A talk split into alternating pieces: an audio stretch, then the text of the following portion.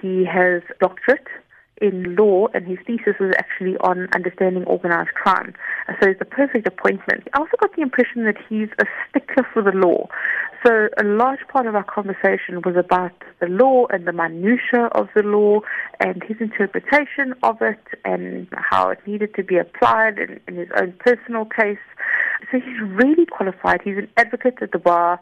He's also a career police officer and you know he holds himself like a like a police officer.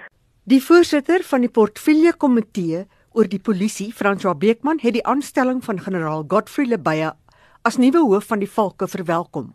Volgens hom het Lebeya die polisie diens tot dusver met groot onderskeiding gedien. The appointment of General Lebeya leads in a new era in uh, the existence of the DPCI. They must fight on their number one priority, namely fighting crime and corruption. We also think that they must focus on transnational crime as well as the drug trade and of course illegal firearms and very importantly corruption in the private sector and public sector. Lebaya vervang die waarnemende hoof Joliswa Mataka wat vir 18 maande die posisie beklee het.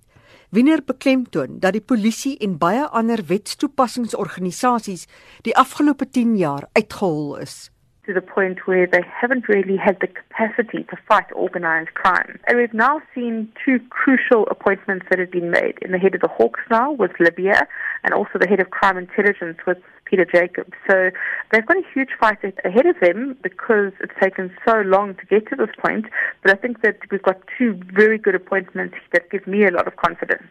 Sy sien die invordering van intelligensie en om bronne in die regte posisies te kry as die polisie se grootste uitdaging. And a lot of organized crime um, and policing organized crime comes down to the intelligence that you have.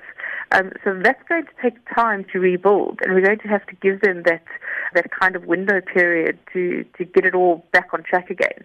Wanneer sê haar navorsing toon dat dit 'n voldonge feit is dat die polisielede in georganiseerde misdaad bedrywig is.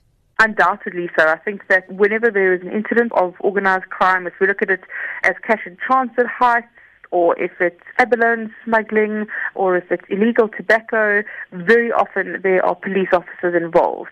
In fact, my sources have said to me that in almost every single breakthrough that is made of a syndicate, there's usually at least three or four police officers that are involved.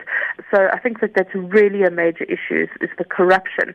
And I think that's going to be one of the major tasks of Godfrey Labia now is looking internally and cleaning house. Maar sy gee toe dat dit eers na haar navorsing vir die boek was dat sy besef het hoe baie polisiebeamptes misdadigers is. I didn't realize just how widespread it was and how many police officers were involved, and also the extent of the political infighting and the impact that that has had, because there was so much political infighting going on in the police that they stopped doing the work of policing. Uh, and I think that was the thing that frightened me the most. Hoe moet die kultuur verander?